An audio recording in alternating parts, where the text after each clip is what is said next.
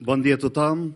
Continuem aquesta segona jornada i de, amb la darrera ponència d'aquest matí amb el tema tan ampli i tan apassionant com és la fe en el debat cultural. I aquí tenim entre nosaltres l'excel·lentíssim i reverendíssim Monsenyor Francesc Conesa, bisbe de Solsona, per tant, el meu bisbe, que tinc l'honor ja, de presentar. Ja l'he dit, et jugues molt en la presentació. Feu-me quedar molt bé i ja està. La seva ponència porta per títol Viure la fe en una societat plural. Mireu, tinc o tenia un currículum brillantíssim del senyor bisbe a les mans de nou pàgines. Mm? De fons oficials. Per tant, ja es veu que compta amb una forta experiència pastoral, acadèmica i ara episcopal. No us llegiré tot, sinó que faré una síntesi per breviorem perquè podria incórrer en un perill, que el coneixeu tots, que el que lo presenta se luzca y el ponente desaparezca. No serà així i això ho prometo. Monsenyor Francisco Conesa Ferrer és des del mes de març del 2022 bisbe de Solsona, nascut a Elx en 1961, fou ordenat prevera, incardinat a la diòcesi d'Oriola, Alacant, l'any 1985. Després va marxar a estudiar a la Universitat de Navarra, doctorant-se en teologia sistemàtica amb la tesi Fe i Conocimiento,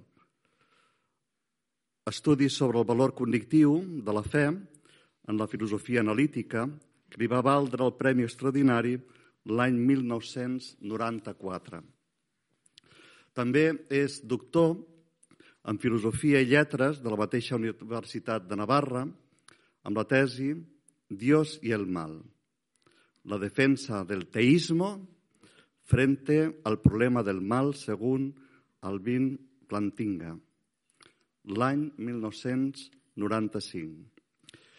Entre molts càrrecs pastorals, com fou el de vicari general de la diòcesi d'Oriola Alacant, fou també professor de filosofia i teologia en el seminari diocesà d'Oriola Alacant entre l'any 1992 2016.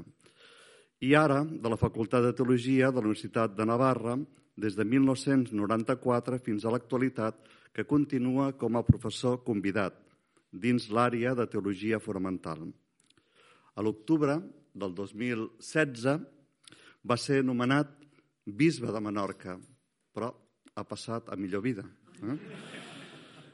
És autor, entre altres autors, altres llibres, mm, de creer y conocer, Dios y el mal, filosofía del, del lenguaje, nuevo ateísmo, hoja de ruta, i va publicar també un llibre que crec que el porta al cor sobre l'assumpció de Maria en la teologia i el misteri d'ells. Ha publicat nombrosos articles de recerca relacionats de manera especial amb la teologia de la fe, la teologia de les religions i la filosofia analítica, amb moltíssimes publicacions. Nou pàgines, aneu calculant. Les seves línies de reflexió giren entorn de la filosofia i la teologia de la religió i les qüestions de teologia fonamental. Aquestes són les seves línies d'investigació, de treball. Actualment, els seus encàrrecs com a bisbe a la Conferència Episcopal Espanyola i a la Tarraconense són els següents.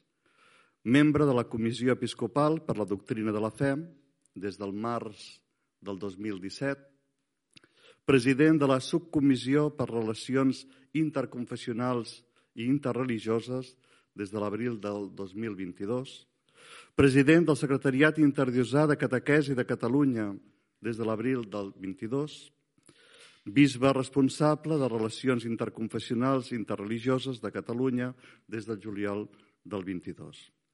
Bé, ja veureu que el bisbe Francesc és una persona que, tot i tenir una capacitat alta d'entrar en temes d'alçada, té la virtut, una virtut important, d'explicar coses elevades de forma planera, ordenada i concisa. Eh? No, és veritat, hi ha gent que fa subordinades i no terren mai. El bisbe és, és ordenat i concís. Res més, sols em resta, en nom de tots, agrair al senyor bisbe francès la seva presència, la seva ponència en aquestes jornades, que ara escoltarem, sota el títol La fe en el debat cultural. No, viure la fe. Viure la fe. Tot sigui la fe. Senyor...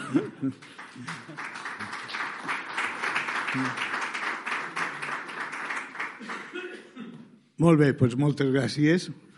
Tindràs una canongia, no sé si ara o quan, ja, ja veurem quan. No, gràcies. Eh, efectivament, a més de, de bisbe, jo continuo donant algun, un seminari en la Universitat de Navarra. De fet, la setmana que ve aniré per allà. Continuo vinculat a la Facultat de Teologia i després aquestes coses tan boniques que és l'ecumenisme, que avui justament comencem la setmana de, de pregària, i, eh, i el tema de la catequesi aquí a Catalunya, eh, que són temes també prou interessants i que m'ocupen, clar, molt de temps. Però amb molt de gust he vingut a donar aquesta reflexió aquesta, i he participat i he escoltat els ponents i, i he après moltíssimes coses també. Eh, la meva ponència es titula Viure la fe en una societat plural i és, diguem que es preocupa sobretot dels aspectes pràctics, és a dir, què, què significa viure la fe enmig d'aquesta societat? O com podem viure, com, com es pot ser cristià en el segle XXI en una societat occidental com la nostra? I eh, començo primer subratllant el fet que, de que vivim en una societat plural. A veure si... Ah, sí. No?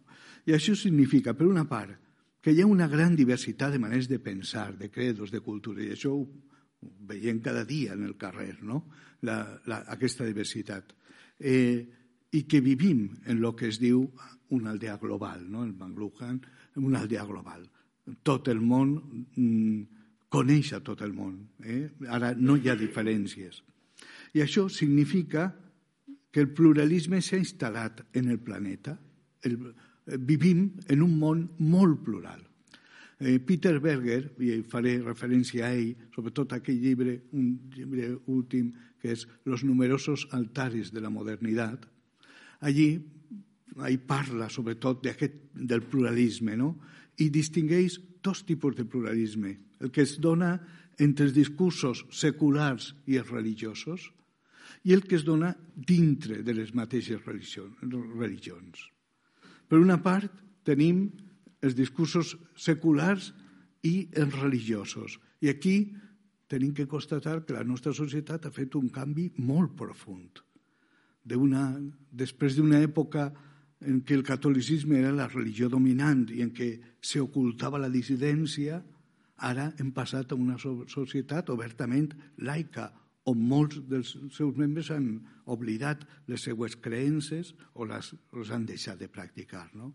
Les dades són clares i terribles. No? Al nostre país, a Espanya, el 15,9% de les persones ja es declaren no creients. Però entre els joves de 15 a 24 anys, el 49% es declaren no creients.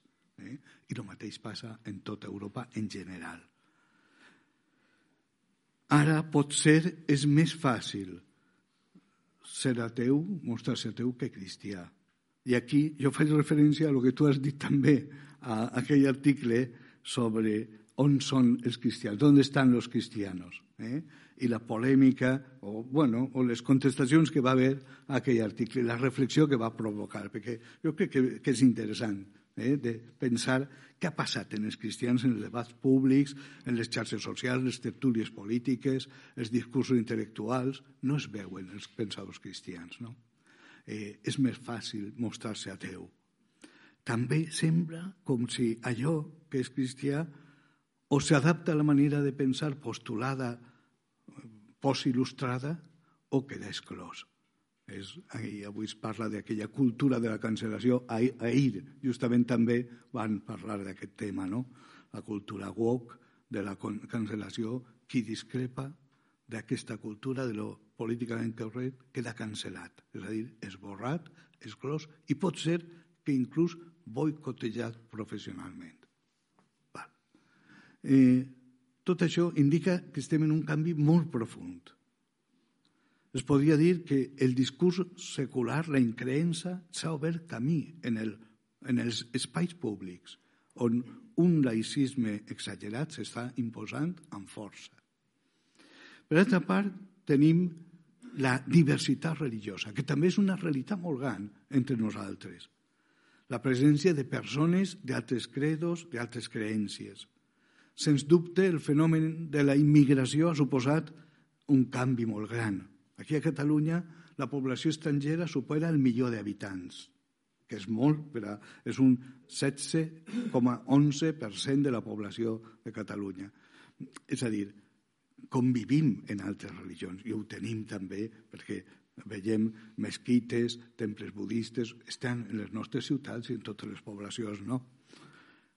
També són molts els que es declaren cercadors d'espiritualitat, que aquest és un tema per reflexionar també molt interessant, no? Persones que, que no tenen una idea definida de Déu, però busquen, eh? estan a la búsqueda.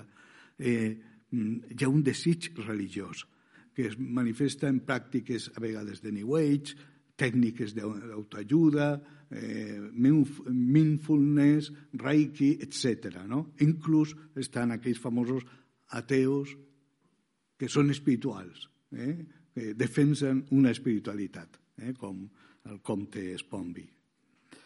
Eh, Peter Berger, en aquell llibre, diu davant de totes les profecies que, que auguraven el naixement d'una època obertament atea, el que ens trobem és una gran pluralitat. El que trobem és una gran pluralitat. Des de persones que viuen al marge de la religió a altres persones que es declaren religioses, el que tenim, i això és la metàfora que ell utilitza, són numerosos altares, eh? nombrosos altars de diverses maneres de veure la realitat. Val. Això és com el, la introducció, no? de dir, aquí estem. Ara, la pregunta és, i, i com viure la fe en aquesta societat plural? Perquè, clar, no podem viure la fe com la vivíem fa 40, 50 anys. Com podem viure i expressar eh, la nostra fe en aquesta societat. Jo crec que hi ha com tres coses molt importants per a poder viure la fe en aquesta societat plural. Primer, cal una profunda experiència de la fe cristiana, una experiència sòlida de Déu. Això que deia Santa Teresa, en tiempos recios necesitamos amigos fuertes de Dios. ¿no? És a dir, ja no és, en una societat tan plural, ja no es val ser cristià per lo que m'han dit o per una tradició. O tenim una experiència sèria de Déu, o la persona ha viscut una experiència sèria de lo que significa Déu, o les seues conviccions s'aniran eh, pues, caient, aniran desapareixent. No val viure de lo que ens han dit. Això ja haveu citat dos o tres vegades el papa Benet, no, és, no s'és cristià, eh? no se comença per una decisió ètica, eh? és un encontre. En Lumen Fidei també, que, que en part és de Benet, eh?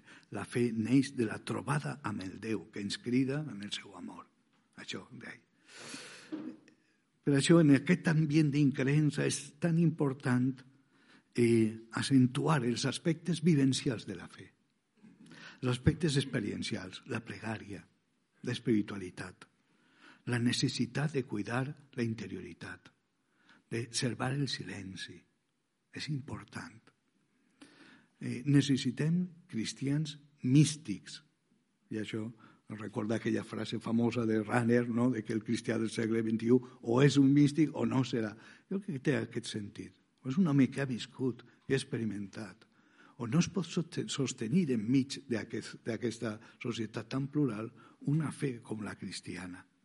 Hi ha un document de la Comissió eh, de Doctrina de la Fe sobre la oració, la comissió en la que jo estic treballant, la comissió episcopal, que sobre la, la oració cristiana, no? Es diu eh, Mi alma tiene sed del Dios vivo. I ahí, ahí es, es diu específicament que és important que l'Església sigui percebuda com una casa d'espiritualitat. Tinc aquí una, una de les frases que diu l'Església no pot ser percebuda únicament com a educadora moral eh? o defensora d'unes veritats, sinó que abans que cap altra cosa ha de ser percebuda com a mestra d'espiritualitat i àmbit on arribar a, una, a tenir una experiència profundament humana del Déu viu. Per tant, primer, homes i dones en una profunda experiència de Déu. Si no, no fem res en aquesta societat plural, eh? en una profunda experiència de Déu arrelada en, la, en tota la tradició cristiana de, de pregària, que és extraordinària. I una oració també, jo crec que aquest punt molt, molt important, oberta a la comunitat. Què, vol dir? Perquè també tenim avui el perill del individualisme i el subjectivisme eh? dintre de, de, de l'àmbit de, de la religió, de persones que accentuen tant eh, que perden de vista que formen part d'una comunitat. La presència i l'obertura a la comunitat és fonamental per també valorar, perquè això és garantia de la veritat de lo que jo estic experimentant.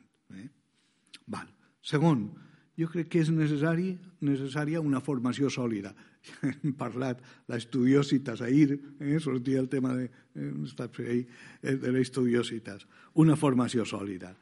Eh, mm, conèixer el contingut de la fe, una formació integral, és a dir, que, que tingui en compte aspectes intel·lectuals, pastorals, humans, espirituals.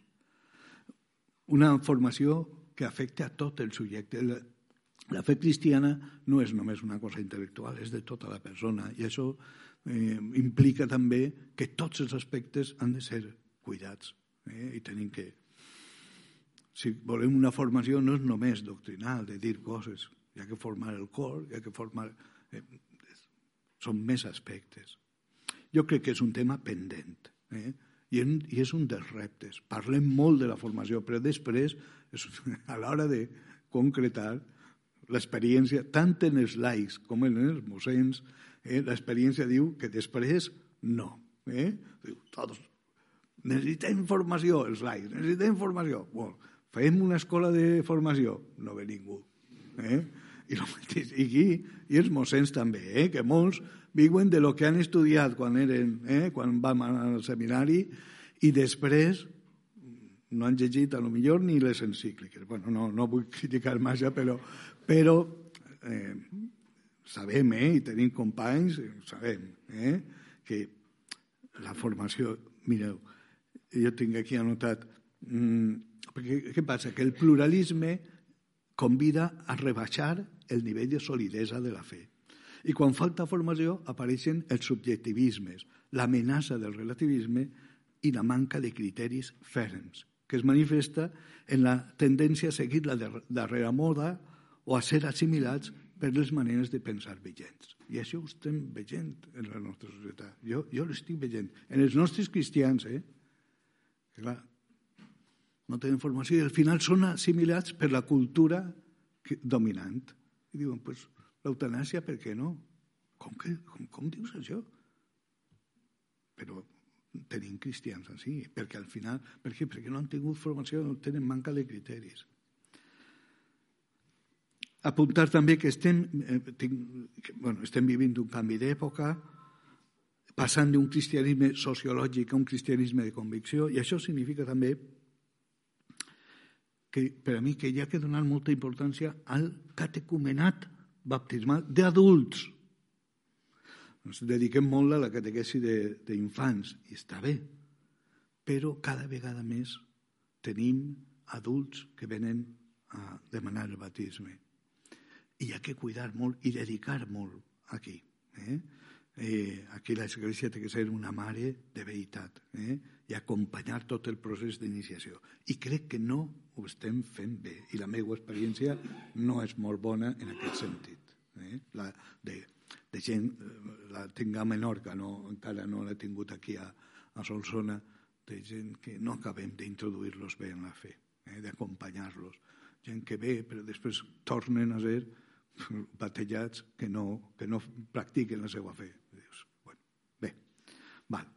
I tercer, cristians que viuen la seva fe units a l'Església. Clar, la referència a la comunitat cristiana és fonamental. Primer, perquè, bueno, perquè la fe es rep de l'Església, l'Església celebra la fe, la fe sempre comunitària. Però, a més, perquè aquest ambient, ambient plural eh, fa que la fe s'hagi de confrontar constantment en altres opcions alternatives, religioses o seculars. I en aquest sentit és més necessari el suport de la comunitat cristiana, que és joc d'experiència, de celebració de la fe i àmbit en el que neix la, eh, el testimoniatge i la proclamació. I jo crec que aquest és, en part, el sentit del sínode sobre la sinodalitat que estem vivint. Eh? vol accentuar aquest aspecte que tots, eh, la comunió, participació i missió, no? que tots són part de la, de la, de l'Església, que l'Església és caminar junts, integrar-se en la comunitat cristiana. Eh? Jo crec que aquest és el sentit. O un. Val. Punt tercer. Homes i dones de diàleg. Aquesta situació de pluralisme ens convida també a ser homes i dones oberts al diàleg en tots, amb tots. La convivència amb homes de cultura, religions i, i llengües diverses és un impuls en, a què ens hi obrim i reconeguem la riquesa de les altres tradicions. I en Peter Berger, que abans he fet menció de, de Berger, parla de, la, de que hi ha una doble amenaça en aquest sentit. El fonamentalisme i el relativisme. Són els dos extrems eh, a l'hora de, de, del diàleg. Perquè en una societat, la societat antiga, tot estava molt segur i era, molt fàcil, era més fàcil eh, mantenir les pròpies conviccions, les creences. Però ara tenim moltes respostes alternatives als grans interrogants. Doncs és fàcil caure en, una, en un dels, dels extrems. Un, un extrem, el fonamentalista, de dir no, doncs jo m'agafo a les seguretats i d'aquí no em mou ningú. O l'altre dir, bueno, tot és bo, tot val, que és el relativisme. Eh, el fonamentalisme, diu Berger, és un intent de restaurar la certesa amenaçada. I en el fons, diu, revela una gran inseguretat i el temor de ser qüestionats. Jo crec que tots sabem que en el nostre entorn tenim postures fonamentalistes xarxes socials, eh? postures que critiquen sense pietat qualsevol gest d'apertura de l'Església, o qualsevol cosa. Jo ara, aquesta setmana, estic fent moltes declaracions del tema ecumènic i estic esperant que alguna d'aquestes eh, pàgines que funcionen per ahir diguin el bisbe de Solsona, i tal, perquè estan en contra de qualsevol gest d'apertura. Existeixen, no sabem. L'altre extrem és la reacció relativista, que és, diu Berger, una adaptació a la realitat. Totes les opinions es consideren igualment vàlides. Bueno, ja sabem el que és el relativisme i ahir també es va parlar d'aquella aquella expressió del papa Benet XVI, la dictadura del relativisme, no? que també està el lumen fidei, lumen fidei, també una expressió que també eh, Mariano ahir eh, parlava, quan, quan parlava de la, una raó més gran d'obrir. Eh?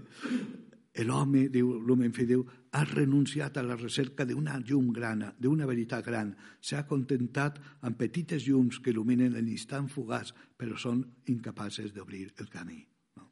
Per això el repte és viure la fe al mar de les diferents creences sense fonamentalismes, sense relativismes. Dius, Berger, el relativisme condueix l'individu al nihilisme moral i el fonamentalisme cap al fanatisme. Per això és important promoure una cultura del diàleg. estem en el tema del, del diàleg, no? Hem d'apostar per el diàleg. És deure de l'Església obrir-se al diàleg amb tots els homes per comprendre les esperances, les recerques que l'home acull en el seu cor i afavorir el diàleg entre els homes.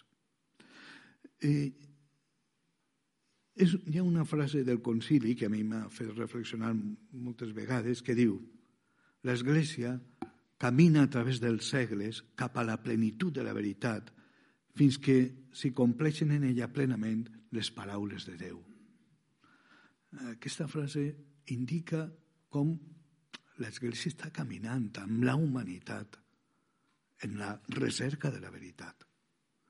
Camina a la plenitud de la veritat. Estem caminant. Eh? I això significa que jo tinc que parlar en el company de camí. La cultura, la ciència, etc. Tinc que parlar en ell. Necessito, perquè estic buscant la veritat també. Eh, crec que és interessant pensar així en, en l'Església. Necessito el diàleg amb els altres.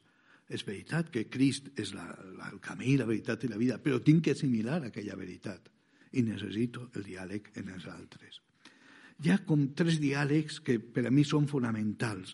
Han sortit per aquí també ja. El primer diàleg seria el diàleg en la cultura. I ahí hi ha un doble moviment. Evangelitzar la cultura, inculturar, falta una l'Evangeli. És a dir, d'una banda, la cultura ha de ser transformada en la força de l'Evangeli, això és evangelitzar la cultura, que és regenerar els criteris, les formes d'actuar, Eh? Això és la cultura. Els criteris d'acció, que deia Pau VI també. I, per altra part, inculturar la fe, és a dir, expressar-la en les categories pròpies de la cultura. Això és un tipus de diàleg. Un segon diàleg és el diàleg amb la raó i les ciències. Jo crec que els creients, alguns, no tots, tenen por d'enfrontar-se al pensament, com si això suposés una amenaça a la seva fe. Hi ha creients que no volen, perquè tenen la seva petita experiència de fe i no estan oberts a, aquesta, a, a la raó, a, a enfrontar-se, tenen por. I jo crec que no, que no pot ser així que és necessari, Fides Ratio parla de circularitat de fe i raó, recordeu, no? Eh, la fe contribueix a exemplar els horitzons de la raó i la, i la raó i la fe a la vegada és reforçada per la raó. I el tercer diàleg important és els creients d'altres religions, de, primer els cristians i després d'altres religions. Jo crec que és un tema, un camí ineludible, el diàleg, en el, primer entre els cristians i després també en les altres religions, que responen també a una mateixa búsqueda. El, el concili parlava de que els cristians tenen que eh, han de reconeguer, reconeguer, conservar i promoure els béns espirituals de les altres religions. Eh? I aquí una referència a aquell llibre de Roth Dreher eh, sobre l'opció benedictina, no sé si el coneixeu, eh? es va fer famós fa sis o cinc o sis anys, eh, un, un autor americà eh, Mm, converso i va, va tenir molt d'èxit en, un, en un llibre que es diu L'opció benedictina eh? i que proposava ell es feia la idea de que davant de tot el món que és tan contrari a la fe tenim que fer com els monestirs benedictins que eren petites illes culturals eh? per defensar el propi i fer les nostres escoles independent, inclús les nostres ciutats, independent de l'Estat i de tot això. Es diu, la nostra proposta consisteix en construir un model de vida cristià que sigui una illa de santitat i estabilitat al vell mig de les aigües agitades de la modernitat líquida. I jo dic, això no és, lo, no és el cristià. Eh? El cristià no és un gueto mai ni això és ser benedictí, eh? perquè jo no crec que els benedictins tampoc fossin així. Els benedictins estaven en contacte amb tota la cultura grecolatina i estaven oberts totalment a la, a la cultura de, de, del món. Jo crec que és una tentació, eh? té un aspecte heroic, eh? perquè visquem la fe més pura, eh? tanquem-nos nosaltres aquí, fem la nostra comunitat, eh? com el, no, però no és l'opció, no, no pot ser. Eh? Jo crec que Sant Benet no estaria d'acord tampoc eh? en, en, aquesta, en aquesta opció. Eh, eh, crec que hem de promoure el diàleg obert en totes les persones. Eh, des de la consciència que tots tenen la mateixa dignitat, tema que està en nostra edat, i també fratelli tutti, sabeu que és un, el tema del diàleg eh, en tots és un tema fonamental també d'aquesta encíclica del papa.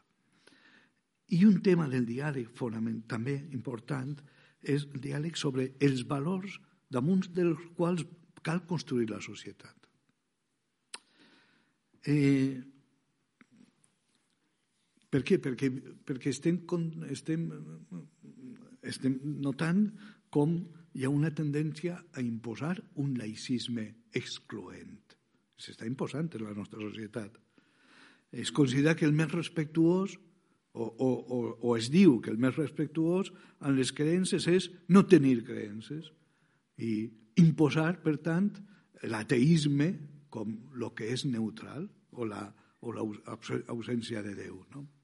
Jo crec que val la pena dialogar sobre què construeix la societat i quina és l'aportació que fan les religions, ja que ajudar eh, a passar d'aquest eh, laïcisme excloent a una laïcitat positiva que deixa un lloc, un espai a la dimensió religiosa, una laïcitat de diàleg, parlava també el papa eh, Benet, no?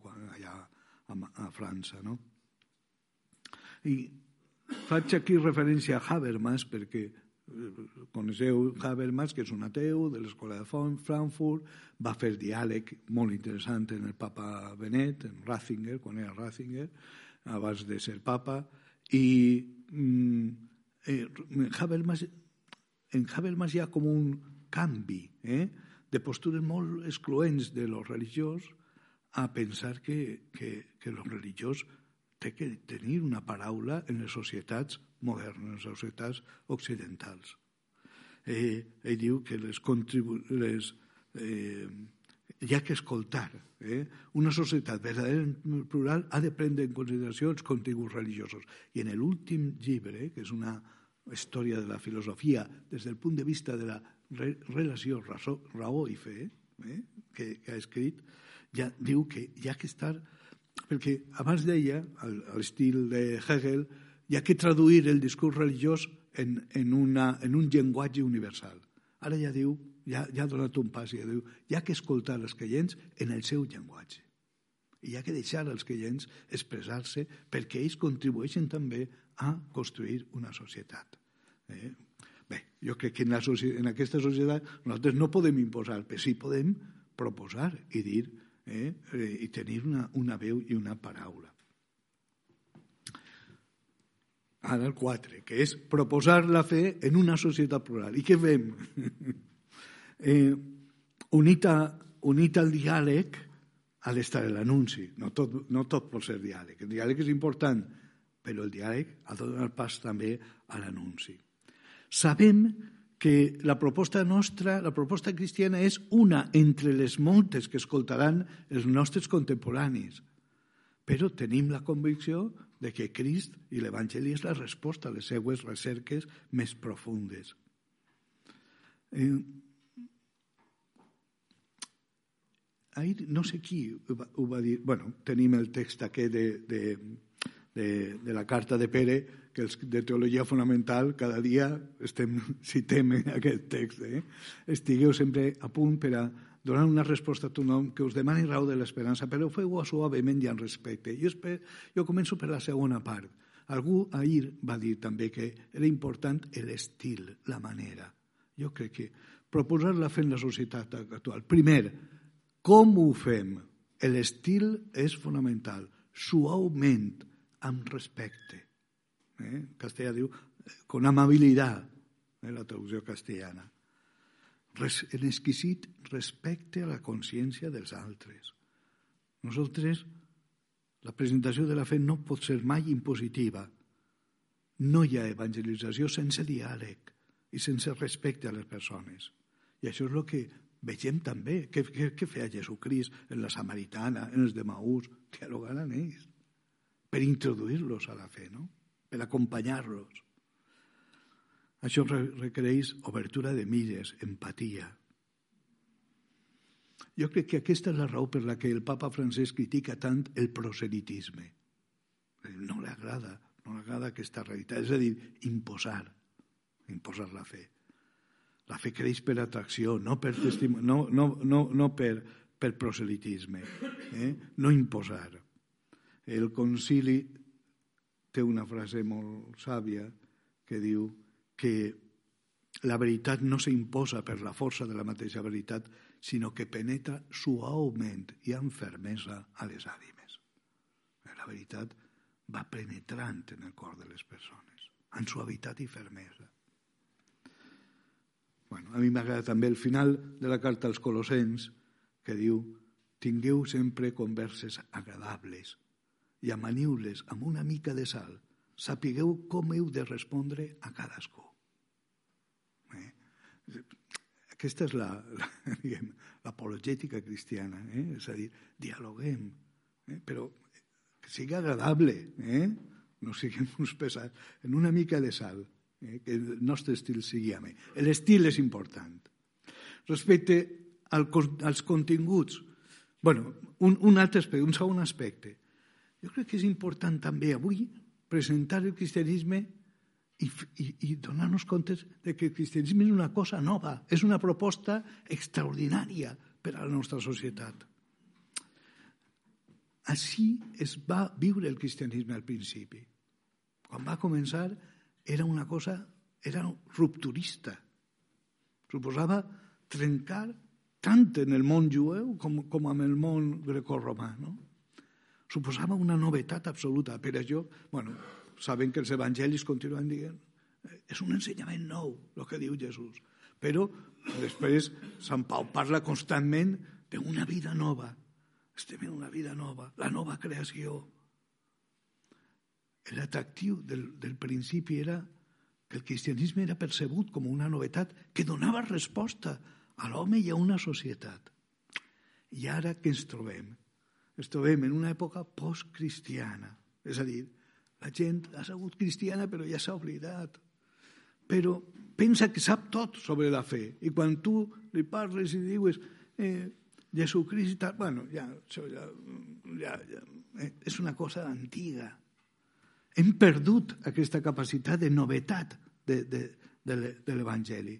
Jo crec que tenim que recuperar aquesta, eh, això de que Jesucrist és el mateix ahir, avui i sempre, no? i que la seva riquesa és inesgotable. Eh, el papa francès parla d'aquest tema també. Tinc ahir un text d'Evangeli Gaudium ell sempre pot, amb la seva novetat, renovar la nostra vida, la nostra comunitat. I encara que travessi èpoques fosques i debilitats eclesials, la proposta cristiana mai no envegeix. Jesucrist també pot trencar els esquemes avorrits en els quals pretenem tancar-lo i ens sorprèn amb la seva constant creativitat divina. Recuperar eh, la novetat de l'Evangeli diu també en Evangeli Gaudium, recuperar la frescor original de l'Evangeli. Jo crec que això és important. I respecte al contingut, eh, jo crec que la fe cristiana proposa una manera coherent d'habitar en aquest món. I jo crec que senyalo com tres coses que considero que és important, són importants, però ja ho sabeu, són coses, no, no són noves. Però bueno, per recordar, no?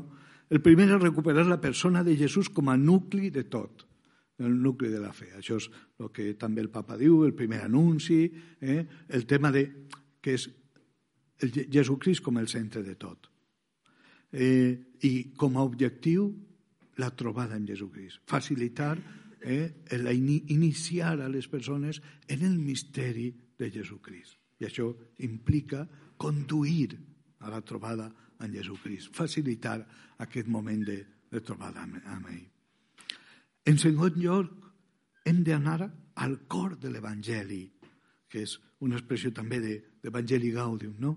anar al cor de l'Evangeli, evitant que s'identifiqui el missatge cristià amb elements que resulten secundaris. Hi ha que tornar al centre de la fe i, compren i comprendre tot des del centre, perquè si no ens perdem eh, en les perifèries de la fe i la gent es perd. Eh? El concili va recordar que hi ha una jerarquia de veritats segons la diversa relació que té en el misteri de Crist. És essencial centrar-se en allò fonamental. I l'últim eh, punt que subratllo és presentar el cristianisme com a gràcia, enfront d'una visió moralista que has dit tu també abans. Eh, moltes vegades la gent té una visió deformada del cristianisme i pensa la vida cristiana com un conjunt d'obligacions i de normes. El convertim, de vegades, sense voler-ho, en una religió més, en els seus ritus, les seues doctrines i la seva moral. I això no és el cristianisme. El cristianisme és gràcia, sobretot. És la sorpresa d'un Déu que s'ha posat al costat de la criatura. Per això el papa també diu en allà Evangelii Gaudium el principi de la primacia de la gràcia ha de ser un far que il·lumine permanentment les nostres reflexions sobre la evangelització. I ell explica la moral cristiana no és la ètica estoica, no és una ascesi, no és una filosofia, no és un catàleg de pecats i d'errors. Presentar-se la vida cristiana enfosqueix la seva veritat. Té que brillar el que és la vida cristiana, que és una resposta d'amor i una a la gràcia de Déu. I per últim, per últim d'aquesta part, encara queda un poquet, eh? Homes i dones que viuen la seva fe i la contagien. Per proposar la fe a la societat actual són necessaris, sobretot, homes i dones que viuen, que visquin la vida nova de deixebles. Si no, no, la novetat de l'Evangeli es transmet si vivim aquesta novetat, aquesta vida nova. Allò que va traure aquells primers deixebles no van ser llargos discursos ni sermons buits, sinó el testimoni transformador d'uns cristians que vivien en profunditat l'amor, que gaudien de la seva fe, que transmitien una forta experiència que omplia la vida de sentit. No es pot donar raó de la fe només amb arguments. Cal fer-ho en tota la nostra existència. Per això són necessaris testimonis. Eh? Més que mestres, deia eh, Pau VI, testimonis. Gent que visqui l'alegria de la fe, això és el que convenç, no? que irradie aquesta llum. Eh? La primera encíclica de, de Francesc, la fe es transmet per contacte, de persona a persona, com una flama encén una altra fama. Val. I últim punt. Comunitats vives que siguin signe de Crist per als altres. No sols les persones, també la comunitat cristiana ha de ser signe. Necessitem no, són, no només cristians que visquin la seva fe i tinguin una experiència, sinó comunitats vives, comunitats vives. Tota l'Església només té un sentit que és ser signe, paràbola, icona, podem dir-ho de diverses maneres, de Crist. Cada parròquia, cada, cada una de les nostres comunitats té la missió de fer resplendir el rostre de Crist. Les nostres comunitats, malgrat les seues pobreses i limitacions, han rebut aquest do que és ser signe de Crist per a la gent d'aquell barri, d'aquell poble, a on s'ubiquen. Tenen la missió, com tota l'Església, de ser signe e instrument de la presència de Crist en el món. I per això és tan important la renovació de les nostres parròquies. Dedicar temps, enfortir la vida de la, de la comunitat cristiana, a fer-la créixer en la vivència de Crist i de l'Evangeli, per evangelitzar necessitem comunitats vives on tots se sentin corresponsables en la missió. El papa als joves, en la carta als joves, parla de comunitats obertes, vives en la fe, desitjoses d'irradiar de Jesucrist, alegres, lliures, fraternes, compromeses.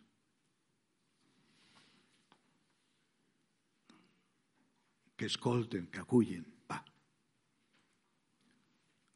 I no ens, no ens ha de preocupar que enmig d'aquesta societat plural els cristians siguem pocs i que la les nostres comunitats siguin molt modestes, petites en nombre i amb escassos mitjans.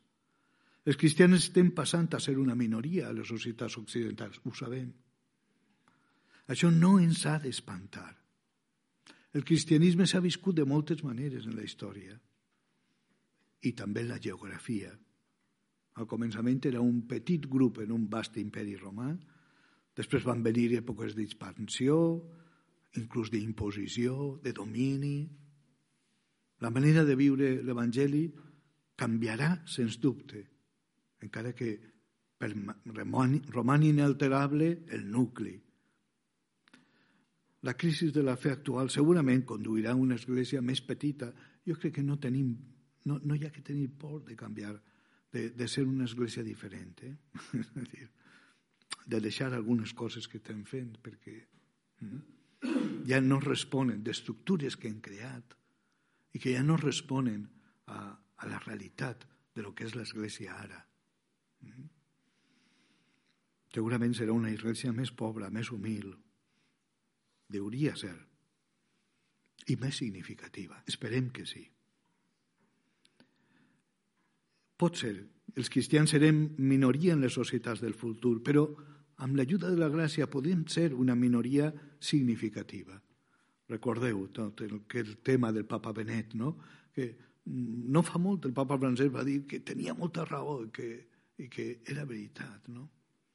Eixe, eh, parlava de, de que, tinc aquí, normalment són les minories creatives les que determinen el futur i en aquest sentit l'Església Catòlica ha de comprendre's com a minoria creativa que té una herència de valors que no són cosa del passat, sinó realitat molt viva i actual. És a dir, les minories eh, creatives en la, en la idea, perquè això és una idea de Toynbee, eh, la, la de minoria creativa, són les que han transformat les societats. Podem ser. Eh, deia el papa francès, no són els números, és evangelitzar. La joia de l'Església és evangelitzar. El problema no és que siguem pocs. Jo quan vaig de visitar qualsevol parròquia, són molt pocs, són quatre aquí, sempre són els mateixos. No et preocupis, viu la teua fe, sé testimoni de la teua fe, són quatre, quatre, dos, dos. El problema no són els números, eh? és la evangelització, evangelitzar. No ens cansem, no ens desanimem. Tenim un tresor a les nostres mans que és Crist. No desistim de buscar camins. bueno, com veieu, la meva reflexió ha sigut diferent, eh? perquè no, no ha sigut filo, tan filosòfica, que podia haver-la fet, però no, sinó més pràctica de dir com viure eh? en aquesta societat plural. Eh? I termino en una cita d'aquest home, Alexander Men, que va ser un sacerdot ortodox assassinat per el KGB. Eh? I ell escrivia una cosa que fa pensar. bueno, ahir teniu un tros només, però la cita completa diu Només homes limitats poden pensar que el cristianisme ha arribat a la seva plenitud, que es va construir per complet al segle IV segons alguns, al segle III segons altres o en altres moments. En realitat, el cristianisme, amb prou, amb prou feines, ha fet els seus primers passos, uns passos tímids en la història de la humanitat. Moltes paraules de Crist continuen sent incomprensibles per a nosaltres. La història del cristianisme no ha fet més que començar tot el que va fer bé en el passat, allò que ara anomenem història del cristianisme, no és res més que el conjunt d'intents, uns desencertats, altres frustrats d'aplicar-ho. És a dir, el millor encara ha d'arribar. El cristianisme no ha fet més que començar. Gràcies.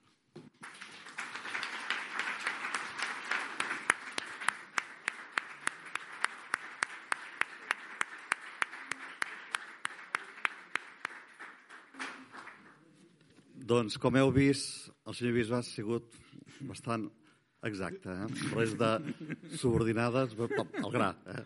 Doncs 45, m'ha dit, a 45 acabaré. Pues, encara li ha quedat un, un minut. Doncs seguirem el mateix principi, la mateixa escola del doctor Saranyana, eh? és que els qui tingui preguntes, que alci la mà, que veig dues, qui dona més? Eh? Tres. Uh, soc Xavier Solavia, rector de Sant Just d'Esvern, de Bisbat de Sant Feliu. Uh, crec que els números no és el més important, però dir que no ens preocupi que siguem pocs, doncs no ho acabo de compartir del tot. Crec que el desig de salvació que arribi a tothom doncs ens empeny eh? i bueno, Cristi Caritas urgent nos, en certa manera, no? Llavors a mi em fa molta por quan es diu aquesta frase que vostè acaba de pronunciar, no? perquè invita a un cert conformisme i que portem ja molts anys amb aquest conformisme. Si ho veu les estadístiques del CIS, veu que cada any hi ha un 1% menys de catòlics a Espanya. Portem així ja més de 25 anys. Estem en una davallada doncs, molt important a la qual moltes vegades també veus que mm, hi ha poques iniciatives eh, jo diria que amb cert realisme, que una mica sortia la idea d'abans de, del professor Torralba, no? és a dir, que no sap per començar, en, en una altra dimensió, però en certa manera també en aquesta línia. No? Només una mica és comentar això o, o en certa manera puntualitzar una mica aquest aspecte, perquè jo crec que moltes realitats de parròquies, doncs sí, abans la reunió arxiprestal o trobada eren 500, després van passar a ser 100, després serem 50 i seguirem també molt contents eh? perquè encara, mira, encara som 50, no? Llavors, no, no sé, compartir una mica això. Jo crec que s'ha entès el que jo estava dient, perquè he estat parlant d'evangelitzar, de proposar la fe, eh? i per tant, però eh, crec que no podem obsessionar-nos en el tema de que són molt pocs. Com, com, jo tinc l'experiència de visitar les parròquies, la gent comença només que plors i, i, i lamentacions de aquí érem, aquí érem. Bueno, tu deixa... No, no, no, no vull... No, deixa, deixa això. Tu ara tens que viure la teua fe. Tu eres feliç sent cristià. Viu, viu la teua fe, la teua relació amb Jesucrist, la pregària, etc. Viu la teua fe, perquè si no, si estem lamentant-nos constantment, doncs no serem testimonis. I sí que jo crec que l'aposta és, són quatre, formem una comunitat viva en els quatre que són. Eh? Per créixer, clar, és una comunitat que té que estar oberta i que té que, que, que, que créixer i que vol evangelitzar. Eh? Eh, el tema, el, el, jo he dit que el problema no són els números, en una cita del papa francès comentant el, la idea de minoria creativa de, de, del papa Benet, que la va comentar i va dir en això el papa Benet va tenir molta raó. És un, un, unes paraules del papa francès en, en el, fa, no, no, no, no fa molt, en el, en el, ah, sí, en el 2022, en, en, fa, de l'any passat, no? I va dir això, el problema no són els números, és evangelitzar. La joia de l'església és evangelitzar. No podem estar ahí. Eh? Bé. Eh, aquest és el sentit. Eh? Jo estic, clar que estic d'acord, no, no es poden conformar, al contrari, si, si la, nostra, eh, la nostra alegria és incorporar eh, a, a nova gent a l'església. Eh? Bé, senyor bisbe, moltes gràcies. Soc mossèn Carles Matilla de, del Bisbat de Terrassa i llavors, bueno, era una observació i a veure també a veure vostè què, què pensa, perquè vos, vostè parlava no, a l'hora d'això d'evangelitzar, no, que és la, la idea de promoure una cultura del, del diàleg, de dialogar amb això, no, deia, amb les, amb les ciències, amb la, amb la cultura, amb, amb altres religions. Llavors, és dialogar, no? però jo em pregunto, no? el lloc on s'ha de dialogar. No? Llavors, hi ha diferents, podríem dir, llocs, no? I llavors jo crec que hi ha un que a mi la sensació que o sigui, no hi som, no? i crec que és suficientment important com perquè hi siguem, que potser ho hem descuidat, no? que és el tema dels mitjans de comunicació social, no? com podria ser en fi, televisió, eh, ràdio, eh, diaris, no? premsa escrita, que potser són llocs que són molt potents a l'hora de configurar no? l'opinió pública i, i que pot ser un, un lloc no? molt, molt adequat per també d'alguna manera entablar aquest diàleg no? I, i que realment hi ha, hi ha milers o fins i tot milions no? d'espectadors potencials no? que poden estar escoltant aquestes coses i a part de els, el, els mitjans de comunicació que pugui tenir la pròpia església, no? el poder estar en programes de televisió de, en fi, de, de les eh, cadenes així més majoritàries o eh, en ràdios, etc, no? que potser no sé si és una cosa que, que, que hem descuidat, que, que no hi som, que, val, que no sé si és que també hi ha una mica de por no? pel tema aquest de la cultura woke, eh, en fi, i també eh, temes d'aquests no? més actuals. No sé si és per por, no sé, jo crec que gent formada n'hi ha, no? No sé si també inclús a nivell de conferència episcopal s'ha fet, no sé, alguna, alguna cosa, no? o hi ha alguna, algun tipus de, en fi, d'iniciativa en aquest sentit. No, no puc dir més que estic d'acord en el que tu estàs dient, que efectivament un buit que tenim és els mitjans de comunicació, que són fonamentals, eh? i no hi ha una presència cristiana. Hi ha alguns mitjans catòlics, com bueno, alguna televisió, alguna ràdio, bueno, eh, catòlics, però no tenim una presència de catòlics en els mitjans de comunicació social. Eh, no, no, no hi ha. Eh? I realment és un tema que preocupant. En general, en la vida pública, els cristians estan absents, eh? els catòlics no estan presents, eh? almenys com a cristians. Eh? Ara, l'últim ara de l'avortament allà, eh? Tot el món, ningú el reconeix com a cristià, ningú defensa la vida, tot el món li dona vergonya dir que la vida humana hi ha que respectar-la, perquè la cultura dominant i els mitjans estan ahí eh, dient que no, tal, la, la, la dona, van contra la dona, són extremistes, no sé quant. Bueno, bé, vull dir que estic d'acord en el que tu has dit. Eh? Ara tindria que pensar què podem fer. Eh?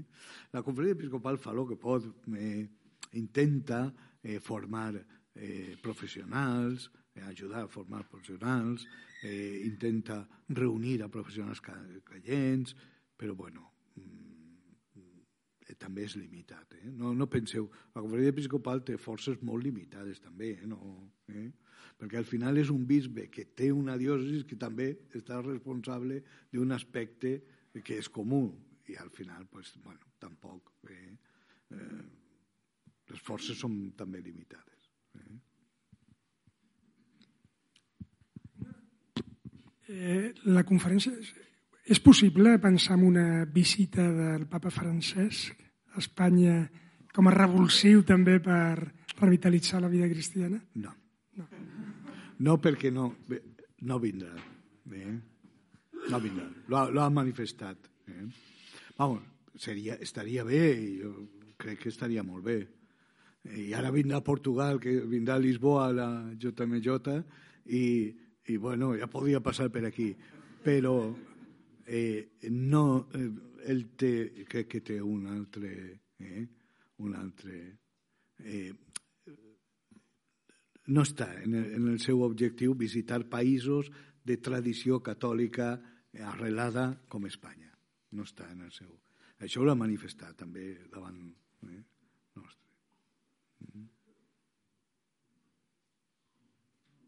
Que estaria bé, però... Molt bé. Ah, mira. Realment molt, molt agraït, eh, doctor Conessa, per la seva intervenció i, i veritablement cal pregar perquè eh, hi ha una posició una mica de covardia no? per part de molts catòlics de manifestar-se com a tals. No? Un dels gestos que jo no sé quines són les seves conviccions religioses, però que s'ha donat recentment al Parlament amb motiu de la primera votació, perquè ara ve la segona, que és el Senat, no? d'aquesta llei, anem a dir, estrofolària, que no me recordo quin títol té, però que té un títol llarguíssim, eh, sobre aquesta cosa dels trans i tota la companyia, no? que realment ha resultat sorprenent que eh, només una ministra eh, hagi manifestat la seva discrepància i li hagin imposat la multa dels 300 euros que està previst per si es discrepa de, de l'opinió col·lectiva del, del partit que, que ella, en el qual està inscrita ella o ella, en el cas que sigui. No? I tota aquesta campanya que, eh, clar, ha estat promoguda per un partit polític, concretament a, a Castella, Laó, Lleó, eh? Eh, crec que s'ha de baixar i veure una mica les coses que hi ha, no? I tota la reacció de la premsa com si eh, eh donar mitjans d'informació a les persones perquè puguin prendre decisions lliures sigui atentar contra els seus drets fonamentals. És una cosa realment confosa, no? Aquest país que, que en diem encara Espanya, aquest país que és el, el, el, la cosa... Eh, hi, ha, hi ha una, una... encara hi ha una, eh, anem a dir, una falta de, de, de valentia per actuar a la vida pública que és molt notable, no? I això sí que caldria eh, insistir molt en els polítics no? I, i, i en els homes de la premsa que amb això se juguen la seva vida eterna. Eh? Perquè és la eh? és, els, sobretot els que són professionals no? I, tot, i fins molta gent. No? És a dir, que a vegades eh, els, els que prediquem, els, els, que, els sacerdots que prediquem, anem a qüestions que sí, que són importants, evidentment, no? Eh, eh, eh, del manament X o, Z o el que sigui, no? Però hi ha una qüestió que és fonamental, que és la coherència personal que s'ha de manifestar enmig de la pròpia debilitat, no? És a dir, Sant Pau no té cap problema de predicar el cristianisme, tot i que reconeix que té unes febleses que no sabem quines són, no? perquè aquí hi ha tot tipus de, de, d'interpretacions, no? Però ell reconeix que és un home dèbil, no? I que li havia demanat a Déu, a Déu Totpoderós que li tragués aquella debilitat que no sabem quina era, no? Però tot i així predicava, no? Predicava amb gran seguretat, no? Aleshores, jo penso que si és possible, eh, els sacerdots hem d'animar, dir que el famós principi que va ser mal interpretat després per Luther, no? Simul justus et peccator, no? Eh? Som justos, però al mateix temps som pecadors, però tenim una, com deia fa, el, el senyor Bisbe deia fa un moment, no? tenim una, un missatge que és realment revolucionari, no? tot revolucionari.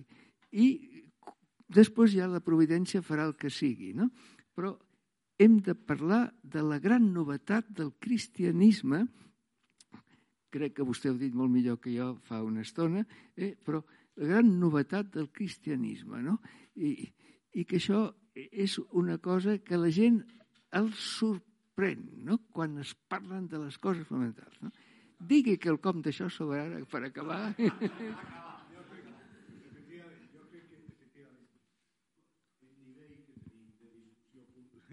política és baixíssim. Eh? I quan algú capta tota la novetat que suposa el cristianisme, veu, veu efectivament lo baix que, que, que, que estem en les discussions de temes polítics, morals, etc que hi ha en la societat. Eh? I que tenim que, que recuperar aquesta novetat, eh? la vida nova en Crist que, que, de la que parla Sant Pau i viure aquesta vida nova, que és el que podrà convèncer els nostres contemporanis. Bé, jo crec que ja... Eh? Sí, sí com, com ja donem per clausurades les 58 jornades de qüestions pastorals de Castelldaura.